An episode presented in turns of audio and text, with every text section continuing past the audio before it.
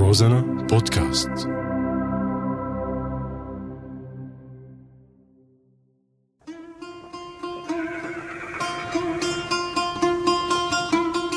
عوالم وأعلام. يأتيكم معي أنا صهيب أحمد. أهلا بكم مستمعينا على هوا راديو روزانا.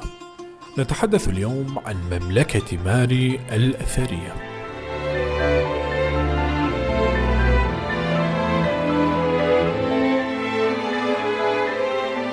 تقع ماري أو تل الحريري على الضفة اليمنى لنهر الفرات وتبعد 12 كيلومترا عن مدينة البوكمال الحدودية مع العراق و125 كيلومترا عن مدينة دير الزور يجري نهر الفرات إلى الشرق من الموقع على بعد ثلاثة كيلومترات. إلا أن مجراه في العصور القديمة كان يحاذي أطراف المدينة التي كانت في تلك الفترة إحدى الممالك الهامة على نهر الفرات. لا سيما موقعها الاستراتيجي الذي يصل الخليج العربي بالبحر المتوسط. ومحطة هامة على الطريق التجاري بين بلاد الرافدين وبلاد الشام.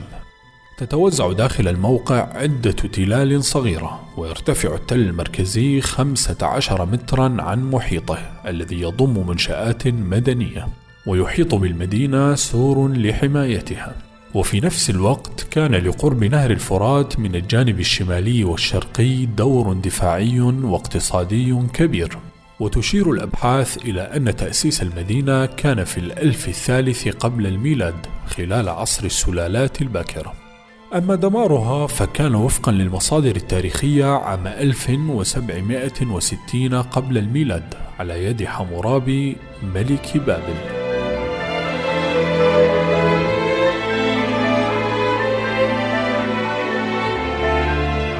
اكتشفت ماري صدفة عام 1933 للميلاد.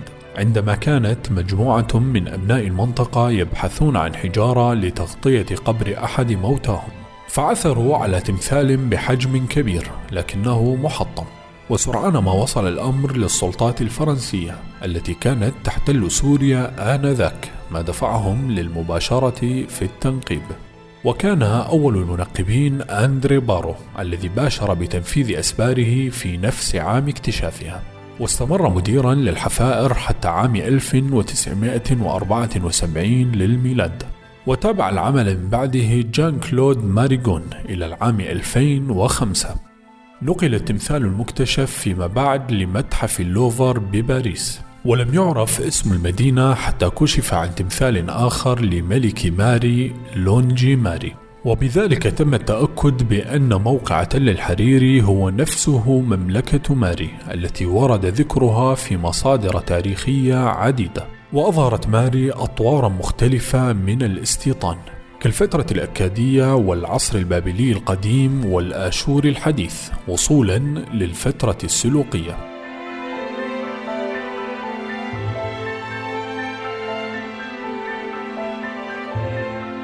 زودت ماري بالمرافق العامة ودورات المياه ونظام ري متطور. وعدد من القصور والمعابد و650 مدفنا تقريبا. وأهم المكتشفات الأثرية التي تم العثور عليها قصر زمري لم. ويتألف من طابقين يضمان قرابة 300 غرفة وباحة. ويحوي القصر قاعات وحمامات وأحواض ماء بارد وساخن. وأوعية لتسخين الماء ومستودعات للمؤونة والملابس والأثاث وأدوات الطبخ بالإضافة للعديد من المطابخ والأفران الخاصة بالخبز والكعك المصنع بقوالب مختلفة.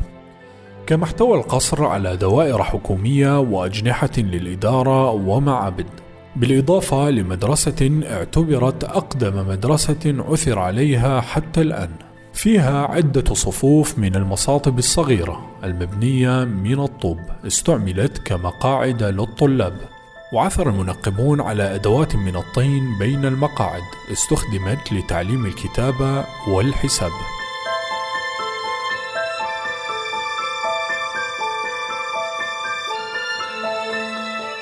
اشتهرت ماري أيضا بوجود مدارس خاصة للنحت والتصوير والرسوم الجدارية. وعثر على عدة معابد قائمة فوق بعضها البعض. ومن المكتشفات الهامة أيضا تمثال آلهة الينبوع وتمثال أورنين الشهير وهو اسم مغنية المعبد التي يعتقد علماء الآثار أنها أول من غنت على سطح الأرض. ولا ننسى الرقم المسمارية والأكادية التي جاوز عددها 25 ألف رقيم. قدمت معلومات هامة عن مختلف نواحي الحياة المتعلقة بمملكة ماري والممالك المجاورة آنذاك.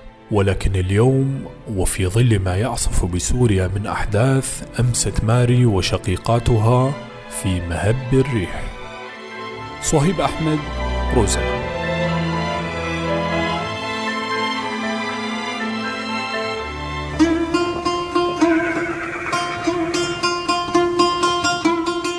عوالم وأعلام.